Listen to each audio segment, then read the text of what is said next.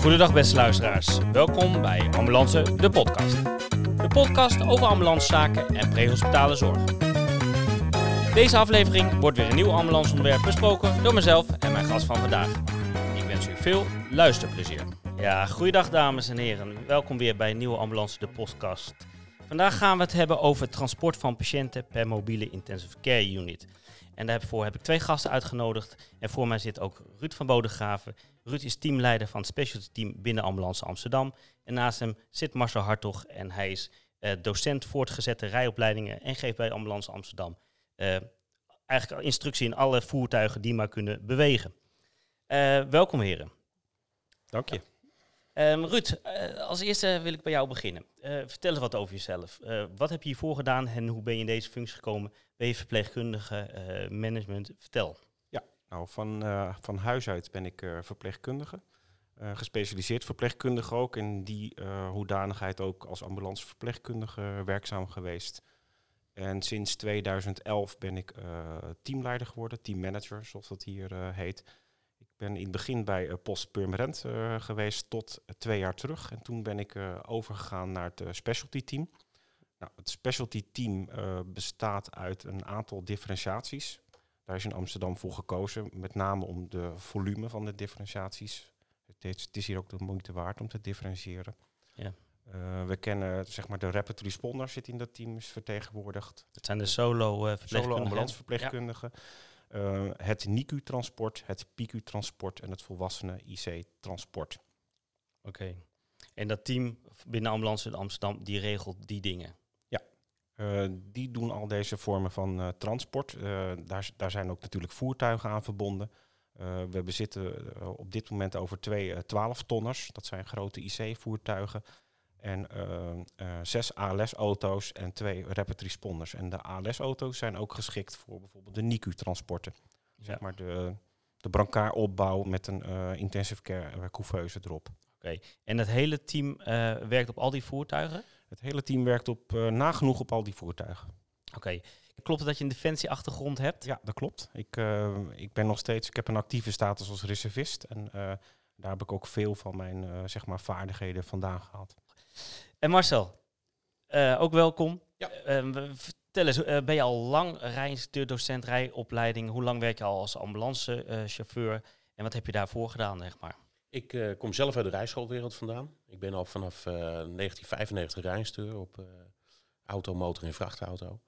En ehm, eh, sinds 2009 werkzaam eh, op Team Zuid als ambulancechauffeur. En vanaf 2014 ook als rijinstructeur hier eh, te werk gesteld, zeg maar. Ja. Rijinstructeur voor Ambulance Amsterdam op alle categorieën. Dus eh, de auto en de vrachtauto. Ja. Een motorfiets hebben we niet. Dus dat is een beetje hetgeen wat mij, eh mij bezighoudt. En dan heb ik nog steeds een wisselwerking in tussen rijinstructie en als actief ambulancechauffeur. Het is een, een vrij ehm, uit, uitgebreide opleiding nog, hè, na het gewoon rijinstructeurschap om OGS te rijden. Optische geluidssignalen voor eh, de mensen die het niet weten. Om te mogen rijden met zwaailicht en sirene. Ja, klopt. Dus best een pittige opleiding ook. Ja, En ehm, ja, er, ko- er komt heel wat verantwoordelijkheid bij kijken. Maar met name op het gebied van ambulancezorg zitten wij hoofdzakelijk ook met glijdend vervoer. Wat best wel een heel ander aspect is ten opzichte van andere disciplines. oké. Eh, misschien is het goed om daar even op dat glijdend vervoer in te gaan. Want mensen denken glijden. eh, gaan jullie dan ook per slee? Eh daar bedoelen we wat anders mee, maar daar komen we dadelijk denk ik Ja. op. Geef je alleen maar aan ambulance mensen les of, of rijinstructie of ook aan andere disciplines zoals brandweer? Of... Naast mijn werk bij de ambulance dienst werk ik ook nog ergens anders. En dan geef ik rijtrainingen aan brandweer, politie, Koninklijke Marseillais en nog een aantal disciplines binnen de overheid. Zeg maar. Oh, dat is wel interessant natuurlijk, want eh, ik neem aan dat politiemensen weinig glijdend vervoer rijden. Eh, geen. Oké, geen. nou, eh, mensen die niet weten waar we het over hebben, gaan daar uitgebreid hebben over wat nou glijdend vervoer is. Ga even terug naar Ruud. Ja. Afgelopen dagen, twee weken. We hebben natuurlijk alleen maar corona-nieuws bijna. Hè. De mensen worden langzaam ook wel een beetje moe van. Maar ja, we zitten er nog aan vast. Maar we zien ook dat de ambulancediensten in Nederland ontzettend veel vervoer doen op dit moment. Dat doen ze met gewone ambulances, dat doen ze met helikopters, dat doen ze met bussen, met vrachtauto's. En een van die onderdelen is dus het, eh het MICU-transport, mobiele intensive care unit. Nou, normaal doen we dat ook. Ehm eventjes over, over dat stuk, daar wil ik het graag over hebben. Ehm, hoe is dat eigenlijk normaal geregeld in Nederland? Eh, normaal is dat per regio goed geregeld. Zeg maar in een regio zie je vaak dat er een academisch ziekenhuis staat en van daaruit worden IC-ritten gecoördineerd en gereden. Eh, als dat gaat hier eh, in Amsterdam, dan hebben we een, een MICU-coördinator. Dus zeg maar, hebben we het net ook al even gehad. En die zeg maar eh, coördineert de intensive care ritten. Ehm, dat de coronacrisis uitbrak, eh, kwam al snel het verzoek zeg maar, vanuit het ziekenhuis ook van ja, wij willen echt zeg maar, een, een, dedicated team die alleen maar deze transporten gaat verzorgen. En, en hou er rekening mee dat het er vele zullen zijn. Ja. Oké, dan die opdracht hebben we toen aangepakt en, eh, en zijn we gaan ontwikkelen. Eh, we kwamen brancards tekort, we kwamen middelen tekort om zeg maar, een goede opbouw te doen voor dat soort brancards. We kwamen beademingsmachines tekort. Nou goed, we, hadden dus, we hebben dus eigenlijk in een, een dag of tien hebben kunnen realiseren dat we naast de twee eh 12-tonners onze ALS-ambulances geschikt hebben gemaakt voor eh, het zogenaamde IC-vervoer. Dat betekent dat al onze brancards eh, vrij snel en makkelijk om kunnen worden gebouwd tot een intensive care bed. En, eh, en we ook op transport kunnen. Dat heeft onze capaciteit echt eh, flink vergroot. Ja, En dat is niet alleen zeg maar, voor onze eigen regio nu, maar ook bovenregionaal. Eigenlijk rijden we met name bovenregionale ritten nu. Oké. Eh, je maakt onderscheid tussen ehm, ALS-auto's. Worden normaal intensive care patiënten, of tenminste mensen die beaamd worden, worden die nooit met een gewone ambulance eh, vervoerd? Of, eh, Nee, in principe niet, omdat de normale ambulance niet geschikt is om zoveel apparatuur te gaan vervoeren. We hebben natuurlijk wel een, een monitor aan boord van de normale ambu en die zit ook gezekerd in een houder. Maar als je praat over IC-transporten, komen daar toch wel een aantal pompen bij. Ja. En een beademingsapparaat, et cetera. En dat wordt het toch wel ingewikkeld om dat op een normale ambulance te, doen? te vervoeren. Zeg maar. En daarom eh, die vrachtwagens. Ja. Ja, Het ik, zijn eh, co- compleet opgebouwde trolleys. Zeg Ja. maar. En die passen in zijn geheel in de vrachtauto.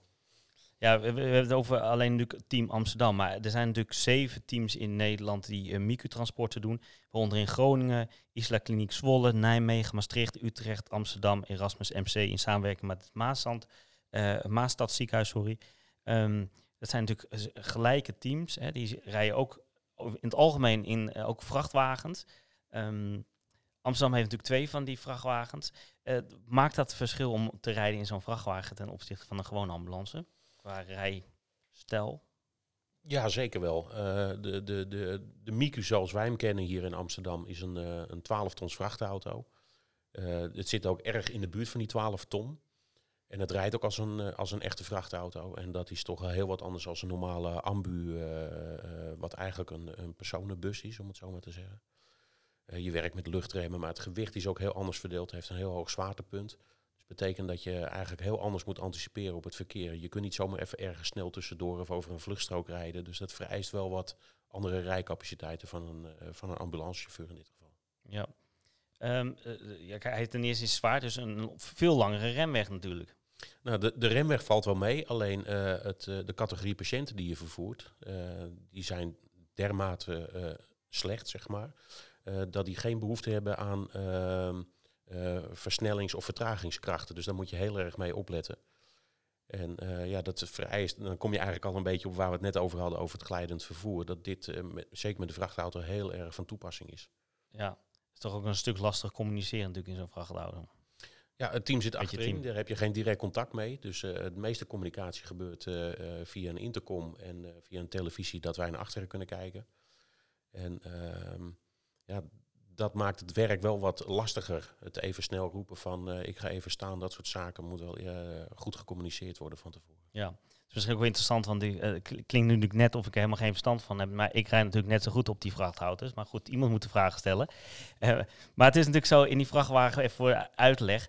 Eh, er zit geen raam aan de voorkant. Tenminste wel van- de bestuurder, maar niet van het team.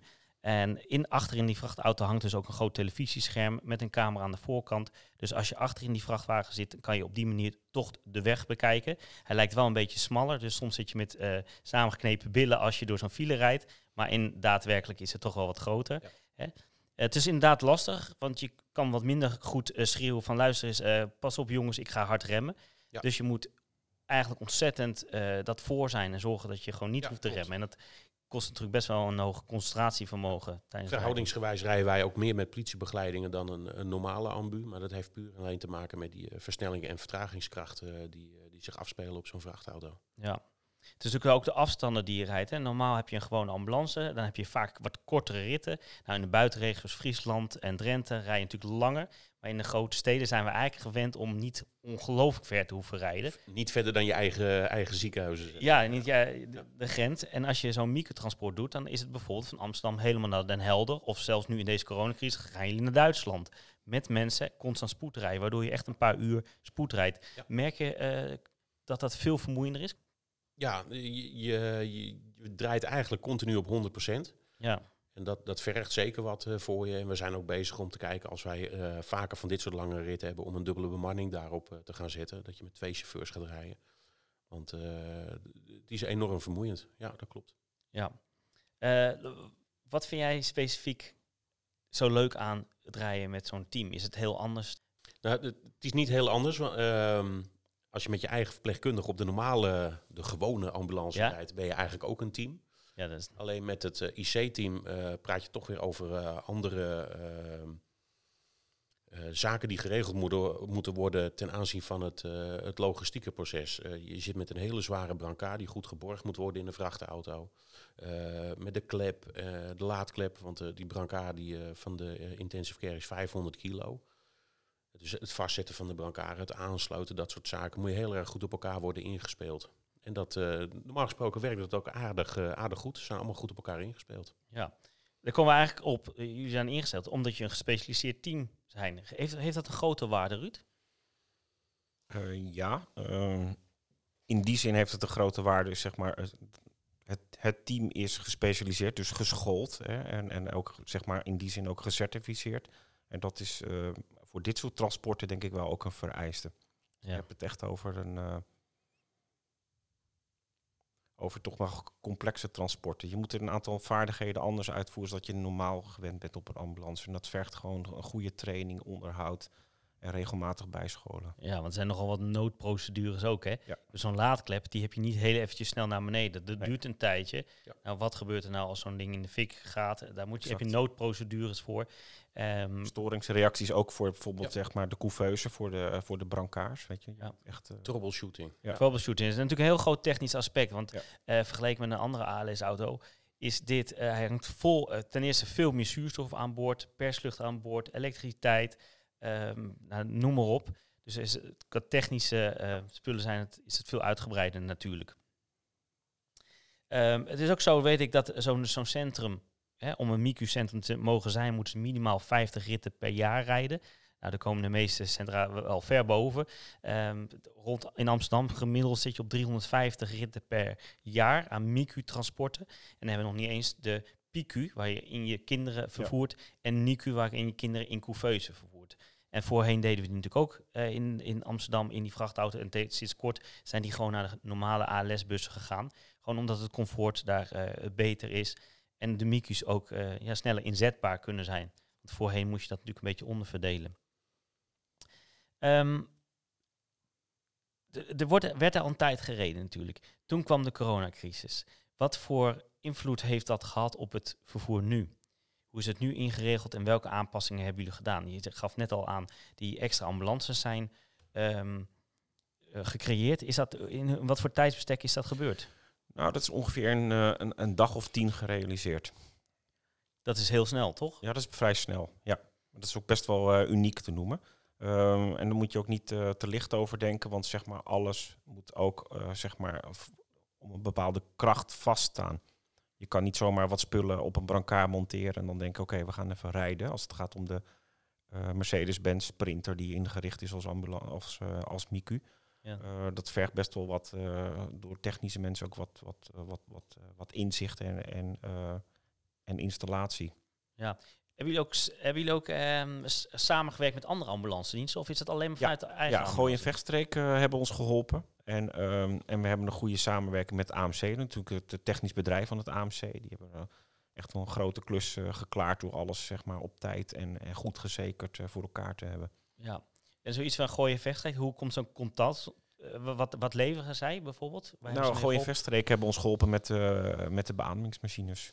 Oké. Daar is natuurlijk, daar is best wel, dat heb je best wel in de, in de pers gezien de laatste tijd, of in de media gezien de laatste tijd. En ja, ook bij ons, er, waren tekorten. Maar goed, door, eh, door goed je netwerk te gebruiken, eh, hebben wij toch, eh, is het toch gelukt om deze brancards op tijd klaar te krijgen.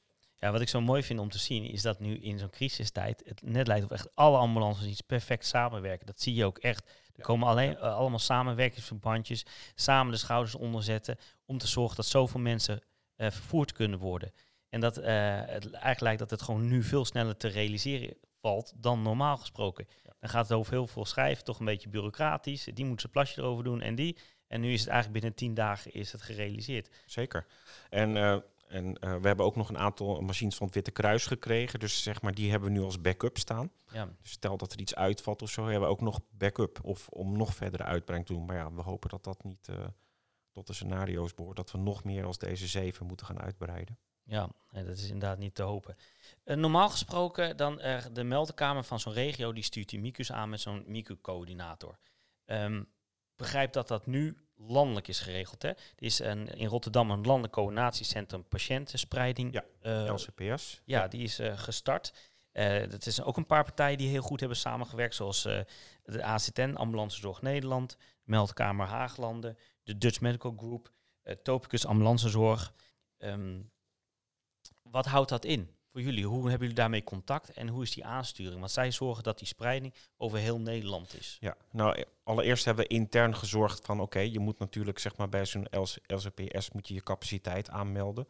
Dus wat wij hebben gedaan is zeg maar eh, binnen Ambulance Amsterdam hebben we tijdsvakken gecreëerd. Zeg maar gewoon een diensttijd, laten we zeggen van 8 tot 1600 uur. En ehm, daar hebben we het personeel ook op afgestemd. En de capaciteit van voertuigen die erachter staat. Zodoende hebben we zeg maar over 24 uur een bepaalde capaciteit kunnen wegzetten. En die wordt dan 's ochtends aangemeld bij zo'n LCPS via de MICU-coördinator. Die meldt bijvoorbeeld, ik heb, eh, ik heb nu eh, één vrachtwagen en eh, twee, twee sprinters beschikbaar voor IC-vervoer. Nou, dan wordt er zeg maar, eh, over al die centra's wordt dat zeg maar, gegenereerd. En daarna worden zeg maar, de ritten zogenaamd gematcht. Zeg maar, er zijn x aantal IC-ritten die worden gematcht aan de voertuigen. Zo worden ze over 24 uur weggeschreven. Eh, en voor ons betekent dat dan dat zeg maar, als middags het tijdsvak afloopt, om vier uur bijvoorbeeld, dat wij met een auto, met een nieuw team naar Tilburg rijden. Daar het hele team omwisselen. Dan gaat die auto terug naar Amsterdam, maar de vrachtwagen rijdt gewoon door. Oké, dat is echt een eh, continu proces. een continu proces. Ja, ja, en door die tijdsvakken heb je denk ik ook wat minder overwerk, of niet? ja, dat je wat beter kan ja plannen. in, in het begin eh, g- gebeurden er rare dingen. Dan stond de nachtdienst bijvoorbeeld nog eh, s ochtends in Zeeland om eh, half acht. ja. En nu door die tijdsvakken te hanteren, zorgen dat mensen op tijd afgelost kunnen worden. En, en ook dat die ritten niet zeg maar, het andere tijdsvak eh, in- met chauffeur en al in het andere tijdsvak belanden. Ja, dat is misschien ook wel eens goed om te vertellen dat het, het, het microtransport, eh, stel dat je, oh, net zoals bij kleine kinderen, een eh, neonaat die je moet ophalen ergens, dat je soms ontzettend lang moet wachten. Want je komt in zo'n ziekenhuis aan en dan is het niet, hup, we gaan inpakken en we gaan weer terug naar Amsterdam. Nee, eh, vaak eh, ben je daar soms uren bezig om eerst te zorgen dat zo'n kind gestabiliseerd wordt. Ja. Ehm, het is natuurlijk een academisch ziekenhuis wat dat kind gaat ophalen, omdat het kind heel erg ziek is. Soms is het nog niet geïntubeerd en dan moet eerst zo'n specialistisch arts moet gaan intuberen. Nou, dat gaan ze doen, daar gaat altijd overheen. Eh, dan moeten ze nog alles instellen, dan moeten ze weten of de tube goed zit. Dan moet er een foto gemaakt worden, een X-Torax wordt er gemaakt om te kijken of de tube goed zit. Eh, en als dat goed is, eh, ga je alles instellen, dan wil je weg en dan gaat dat kind misschien weer achteruit. Dan stop je weer, want je wil zorgen dat je met een stabiele patiënt gaat vervoeren. Dat geldt zowel voor baby's, kinderen als volwassenen. Ehm, dat is dus belangrijk. Dus soms ben je echt uren zit je in zo'n ziekenhuis te wachten voordat je eigenlijk weer kan teruggaan. En dan eh, ja, is dat, kom je wel eens in het overwerk. Nou, dat weten we allemaal. Dat is bij zo'n special team ook. Dat je als je zulke ritten krijgt en als het een beetje einde nacht is, dat je soms toch wel wat overwerk hebt. Maar we accepteren het en het hoort bij het werk. Hè? Hoort bij het werk, ja. En zo vaak gebeurt het nou ook weer niet. Op dit moment, eh, wat is het verste dat jullie gereden hebben nu? Zijn jullie eh, heel veel in Zeeland aan het rijden, in Friesland? Of is het toch allemaal hier een beetje de regio? Nou, wat we hebben gemerkt is dat we veel in Brabant zitten. eh, Nijmegen, Tiel, eh, Tilburg. Tilburg, Den Bosch. En dat wordt dan verspreid zeg maar, over het hele land. eh. Ja. En een grote kans heb begrepen dat ze daar ook leeg, dat de ziekenhuizen weer wat leger worden. Dat er ook grote kans is dat nu patiënten ook weer teruggeplaatst gaan worden. ja, die kans zit er best in. ik heb zelfs Die beweging zie je ook al ontstaan. Met name in de avonddiensten. Wat ik ook zag is dat er eh, allemaal initiatieven zijn hè, om meerdere patiënten tegelijk te vervoeren. Ik zag dat bijvoorbeeld Witte Kruis een touringcar had ingezet. Eh, UMC Groningen had al een kant-en-klare bus die zes patiënten kon vervoeren tegelijk. Eh, niet beademde patiënten geloof ik, maar wel grotere hoeveelheden. Hebben jullie daar nog een aanpassing in gedaan? Nou, we zijn afgelopen vrijdag eh, hebben Marcel en ik en, eh, en, en, en twee artsen uit het, eh, uit het AMC hebben gekeken van oké, wat kunnen we zouden we met de MICU kunnen doen? We kwamen er bij toeval achter dat, dat eigenlijk de ruimte zich prima leent om meerdere brancards in op te stellen. En momenteel zijn we aan het uittesten of we eventueel met drie brancards drie IC-patiënten zouden kunnen overplaatsen tegelijk. Dat zou een enorme efficiëntie in tijd en personeel zijn, met name voor de IC's. Want het personeel achterin komt van de IC. Zowel de verpleegkundige als de, als de arts zijn gewoon eh, IC-personeel. Je kan je voorstellen als je maar in één keer drie patiënten kan overplaatsen, wat een, wat een groot voordeel dat zou zijn. Dat is natuurlijk wel een uiterste redmiddel, hè? want in principe probeer je zo veilig mogelijk te doen. Ja. Ja. Dit, dit zijn ook echt, zeg maar, eh, dingen die nu ontstaan. Zeg maar. Het zijn echt worst case scenario's. Eh, het moet nu. Denk je dat eh, met de wetenschap die we nu hebben, dat er in de toekomst eh, veel meer rekening mee wordt gehouden? Dat er eh, voertuigen ontwikkeld gaan worden waar gewoon meerdere patiënten tegelijk vervoerd kunnen worden? Ja, dat, dat zou me niet verbazen. Ik denk dat dat ook een beetje, zeg maar, we, we kennen dat ook wel een beetje uit de, uit de koude, koude oorlog. Zeg maar, meerdere patiënten in, in een ambulance, maar ook een ambulance trein was er in Nederland ooit. Ja, Zeg maar die zo naar, naar het oosten kon rijden en weer terug. Eh, ja, ik, ik denk wel eh, dat we toch rekening mee moeten houden dat als dit vaker gebeurt, dat dit soort eh, initiatieven ontwikkeld moeten gaan worden. ja. Ja, het is natuurlijk ook zo dat hier eigenlijk alles getest moet worden of het veilig is, alles. Terwijl in India hadden er al lang eh 28 mensen achterin gelegen op de grond, op de pijtjes en alles. Het werkt wel, het is niet altijd veilig. zou je een zeecontainer pakken en daar een aantal bedden in, eh, in gooien en zekeren. Maar ja, zo, zo eenvoudig is het nou ook Nee. niet. En je wil natuurlijk altijd dat het eh, vervoer veilig gebeurt. Exact. Maar, eh, Marcel, ehm, als mensen, eh, of tenminste chauffeurs, opgeleid worden voor de MICU en ze hebben een training, zo'n training. Ja. Ehm, waar, waar trainen jullie? Hoe trainen jullie? En waar let jij specifiek op? Is Hoe, er, hoe die normaal gesproken is? ja, Normaal gesproken ehm, is de opleiding tot microchauffeur bij ons drie dagen. Het zijn in ieder geval chauffeurs die al een, een tijdje rijden. En de eerste dag is het een baantraining waarbij eh, vooral wordt gekeken naar het manoeuvreren eh, met de vrachtauto en wat eh, noodmanoeuvres mee worden gemaakt. En dat doen wij dan op oorschot in samenwerking met Defensie. De tweede dag betreft een openbare wegtraining in de eigen regio, waarbij er met de MICU een aantal ziekenhuizen worden afgegaan die bij ons wel wat voor probleempjes kunnen zorgen, omdat wij met een grote vrachtauto in een wat kleinere ambulancehal moeten komen. En daarnaast rijden wij met optische en geluidssignalen, daar trainen wij mee. Naast het rijden met optische en geluidssignalen wordt er ook heel veel gekeken naar het glijdend vervoer. Dus het daar hebben we dan. ja, tij- tijdig afremmen. eh, heel weinig krachten in die auto eh, krijgen met bochten en met remmen en met gas geven. Om in ieder geval zo comforta- eh, comfortabel mogelijk te maken. Want ik denk 99 van de 100 patiënten hebben meer behoefte aan comfort als aan snelheid. En wij mogen met de MICU sowieso maar 20 kilometer hoger dan de maximale toegestaande snelheid. En dat is maar goed ook, want ja, het vereist nogal wat met zo'n eh, zo'n groot voertuig. Ja. En de derde dag voor de MICU-chauffeur betreft een, eh, een gewone MICU-dienst die ze dan draaien. Waarbij ze in ieder geval één of twee ritten eh, zelfstandig moeten kunnen laten zien. En dat betreft dan de MICU-opleiding. Ja, en dan gaan ze de praktijk in en de ervaring opdoen en Ja. tegen dezelfde paaltjes aan. Nou, als het goed is niet. Ik zeg eigenlijk midden, midden valkuilen, laat ik het zo eh, Ja. noemen. Niet de paaltjes natuurlijk, want als het goed is, eh, gebeurt dat niet. Terwijl we hier eh, zitten, eh, krijgt Marcel een eh pagebericht dat hij inderdaad op dit moment een Miku moet gaan rijden. Dus eh, we nemen meteen live afscheid van je. Ja, dankjewel. Dankjewel dat je eh, wat over wilde vertellen. Succes dadelijk. Weet je al waar je naartoe gaat? Ik eh, ga naar Groningen. Je gaat naar Groningen. Ja. Oké, nou dan eh, wens ik je succes. Dat is wel een stukje, stukje rijden. Ja, Ja? dankjewel. Oké, dankjewel. Succes. Dankjewel. Nou goed. Oké, luisteraars. Ehm, Marcel die is eh, weggepiept, dus eh, we zitten hier nog eh, met z'n tweeën. Ja, dat is het ambulancevak, hè? Dat is het ambulancevak. Dat is het ambulancevak. Eh, Je zit gezellig te praten en op een gegeven moment gaat die beetje en dan is het gewoon actie in de tent en dan, dan ga je. Dat zijn wij gewend. Dat gebeurt eh 24 uur per dag, nacht. Ook op de, als je op de wc zit. Soms is het gewoon ja, eventjes snel afknijpen en rijden met die, met die hap. Ehm, laten we eventjes hebben over, eh, nog over dat specialty team. Ja. Ehm, wat, wat gebeurt er nou als er één MICU rijdt en er komt nog een rit binnen? Van bijvoorbeeld een PQ of een, een, een andere soort rit. Wat doen jullie dan? Per diensttijd hebben we zeg maar één IC-chauffeur die zit gewoon stand-by. Zeg maar, zeg maar van, van 8 tot 4 zit er een IC-chauffeur.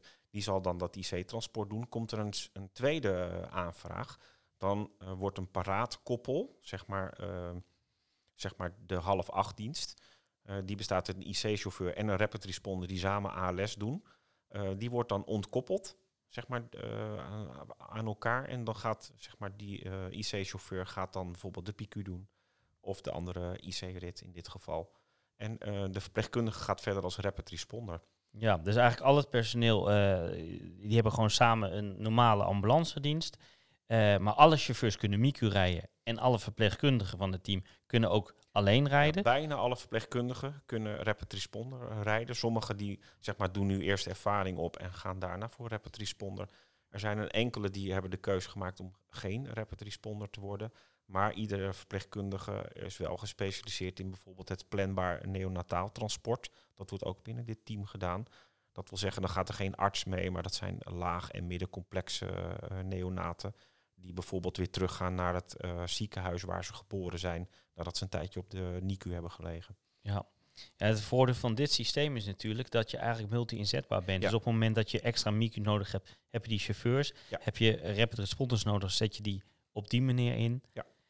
Met Marcel hebben we het net gehad over het vervoer per MICU, per ambulance. Eh, maar op dit moment worden er ook heel veel patiënten vervoerd eh, in de lucht met een van de helikopters. Hè, er zijn eh, meerdere helikopters in Nederland. De Lifeliners noemen dat Lifeliner 1, 2 en 3. We hebben een Waddenhelikopter. Nou, over het algemeen wordt er met een traumahelikopter zo min mogelijk vervoerd. Dat wil je liever niet. Eh, de Waddenhelikopter is daar juist wel voor. Dat is ook een transporthelikopter. Die vervoert vaker patiënten van de eh, eilanden af. Die helikopter is van Kelstra. Op dit moment er is er een helikopter bijgekomen, de Lifeliner 5. Eh, dat is eigenlijk een reservehelikopter die nu ingezet is door volgens mij, als ik het goed heb, Team Nijmegen, die dat doet vanaf Volkert. Ehm, hoe dat is, wilde ik eigenlijk graag eventjes eh, horen van een, een arts die op zo'n helikopter werkt. Daarvoor heb ik Victor Viersen ehm, in de podcast uitgenodigd. En met hem ga ik praten over, eh, nou ja, waar zij mee rekening mee moeten houden. Maar voordat we daarmee beginnen, wil ik eerst eventjes afsluiten met Ruud. Ruud, dankjewel dat je hier was. Ja, graag gedaan. Fijn dat je even dit kon eh, toelichten. Eh, wie weet eh, in een volgende podcast over een ander onderwerp. Eh, we gaan eh, Vast. Vast en zeker. We gaan eh, nu eh, luisteren naar Victor, eh, naar het gesprek wat ik had. En dat ging telefonisch, omdat het dan de anderhalve meter in elk geval gewaarborgd is. Dankjewel, Ruud. Dankjewel. Als het goed is heb ik eh, aan de lijn Victor Vierse. Hij is eh heliarts en anesthesioloog in het AMC. Is dat, eh, als ik het goed zeg? Ja, nee, klopt helemaal. Ja, wat mijn vraag is, er worden nu heel veel patiënten eh, per ehm, ehm, ambulance vervoerd door Nederland. En sinds kort ook eigenlijk door een helikopter, de Lifeliner 5. En nou is mijn vraag, heeft vliegen invloed op de patiënt, over de stabiliteit van een patiënt? Ja, zeker. Ja, dat is, eh, dat, dat is heel bekend. Dat, eh, dat staat in, in er zijn meerdere boeken, en zelfs cursussen waar je dat, over dat soort dingen leert. En dat zijn met name negen aspecten eh, van het vliegen met patiënten die echt wel invloed hebben op ehm, ja, de stabiliteit en de toestand van de patiënt.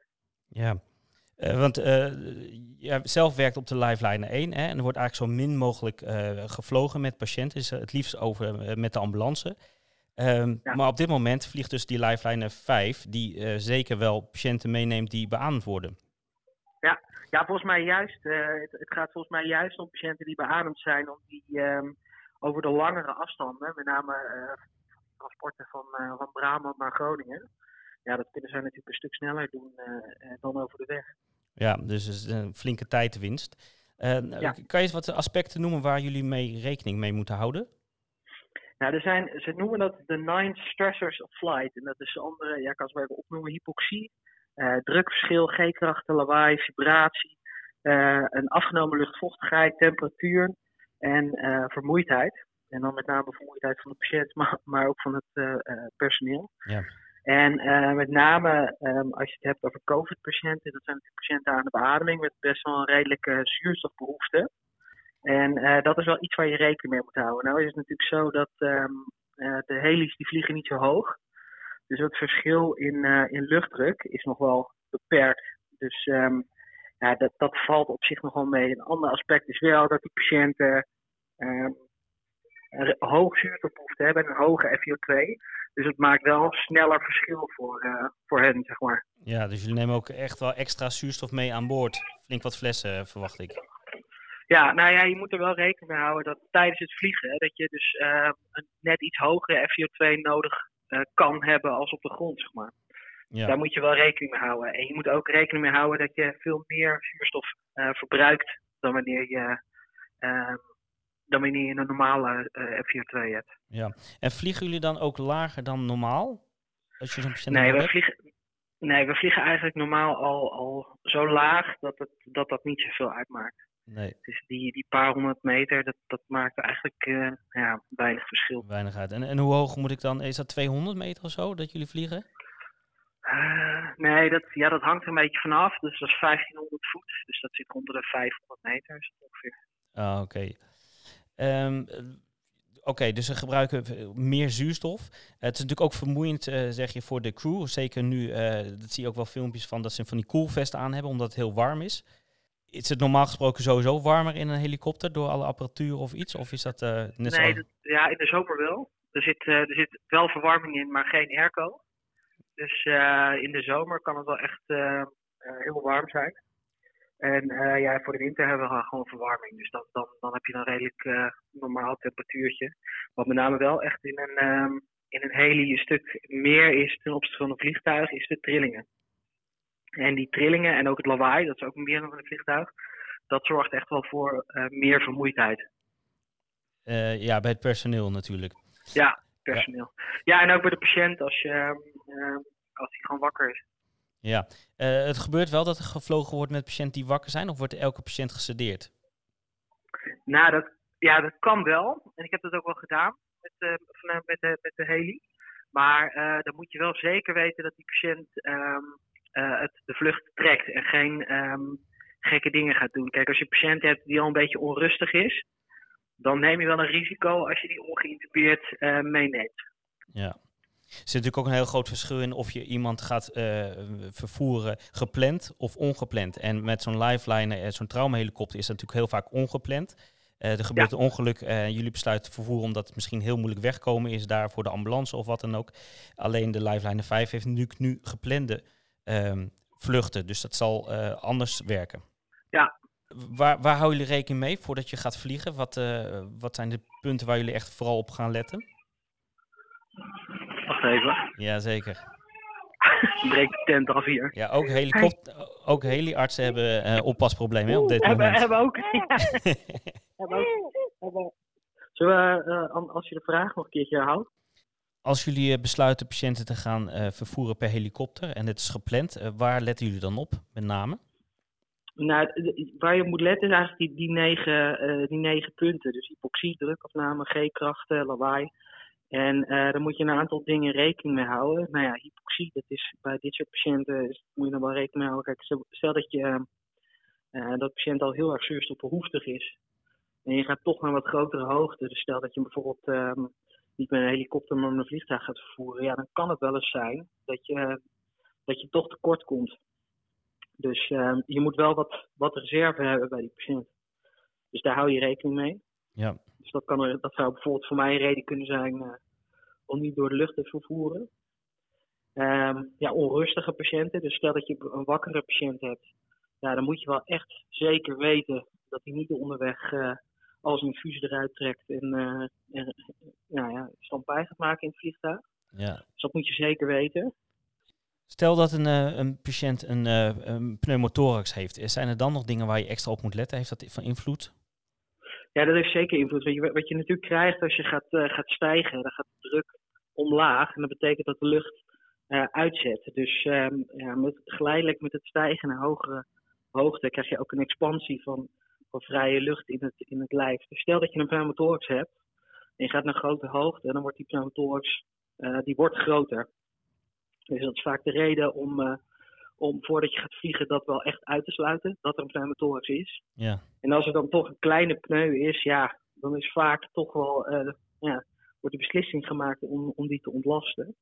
Aan de andere kant is het ook alweer zo dat als je kijkt naar bijvoorbeeld um, uh, als je gaat vliegen met een patiënt in een, uh, in een, in een jet met een drukcabine, dan Ja. ga je ongeveer naar een hoogte van 8000 voet. Dat is een beetje de max die, of de, de, de druk die dat, die drukcabine genereert. En dan heb je ongeveer een expansie van 35% Dus ja, stel dat je een kleine pneu hebt, 100 milliliter, dan zou je gaan naar 135 milliliter. Nou, ik denk niet dat dat de wereld van verschil maakt. Nee. Ja, aan de andere kant is het ook alweer zo, als die, pneu blijft groeien, dan heb je onderweg wel heel weinig ruimte en mogelijkheden om daar iets aan te doen. Dus Ja, dat, dus is wel een- echt, dat zou wel een reden zijn om toch van tevoren eh, te ontlasten. Ja, want een drain inbrengen in een helikopter lijkt me eh, vrij lastig. Nee, met name omdat het echt ongelooflijk trilt. Nee. Ja. En is er ook een speciale som om te berekenen hoeveel zuurstof je nodig hebt eigenlijk in de lucht? Want je gaat hoger vliegen, dus iemand krijgt een hoog, hogere zuurstofbehoefte. Ehm, berekenen jullie dat? Eh, ja, daar moet je wel rekening mee houden. Want met name bij hypoxie, als je bijvoorbeeld op, op, op C-niveau met een FiO2 van 70% zit, dan moet je eh, zo rekenen dat je bij, op die 8000 tot 10.000 voet, dan zit je wel op 100%. Dus als je echt, over, echt hoog gaat vervoeren in een drukcabine en je hebt de grond, op de grond al 100% zuurstof nodig, dan kan het wel eens zijn dat je eh, op, op hoogte in de problemen komt. Ja. Waar je verder ook nog rekening mee moet houden, is dat je, je de zuurstof die je meeneemt, dat die ook beperkt is. Dus dan moet je even uitrekenen hoeveel, eh, hoeveel zuurstof je nodig hebt voor de, voor de duur van, van je trip. Zeg maar. En dat is natuurlijk ook eh, eh, plannen om te kijken van waar ga je landen uiteindelijk. En eh, zet ik daar een ambulance neer of kunnen we op het dak van een, van een ziekenhuis landen? Ja. Dat zijn natuurlijk ook dingen waar je rekening mee moet houden. Al met al best Ja, wel ik- wat punten. Ja, zeker. Ja. Ja, je moet er even, je moet er even rekening mee houden met bepaalde dingen. Ja, het is denk ik hetzelfde als het, eh, het transporteren over de weg. Je probeert zo'n patiënt zo stabiel mogelijk te krijgen van tevoren, zodat er eigenlijk onderweg zo min mogelijk gebeurt. En in een helikopter is dat natuurlijk helemaal belangrijk, omdat je dan ook echt niet de heli even aan de kant van de weg kan zetten, zeg maar. Ja, het, is, het, het, lijkt toch echt weer eh, heel veel op, eh, op anesthesie geven. Het is, als je het van tevoren goed aanpakt, dan heb je, onder, heb je onderweg weinig te doen. Oké, nou dat is mooi. Mag ik je hartelijk bedanken voor dit telefoongesprek? Ja, zeker. Succes ermee. Oké, dankjewel. Dag. Jo, doei. Ja, dames en heren, dat was Victor. Ehm, trouwens, wat ik nog eventjes eh, daarbij kan vertellen, is dat eh, Victor en Fabian, alle twee van de Liveliner 1 van de helikopter eh, hier bij de VU, waren te gast bij Scherpschutters, een podcast. zeker de moeite waard om die podcast ook te gaan luisteren als je van podcast houdt en van dit soort onderwerpen. Eh, zij bespreken ontzettend veel onderwerpen en ehm, nou, heel veel onderwerpen zijn ook één op één op de ambulancebranche eh, over te nemen. Eh, het meeste is defensie en arrestatieteam politie gericht. Maar het is zeker een, hele interessante podcast.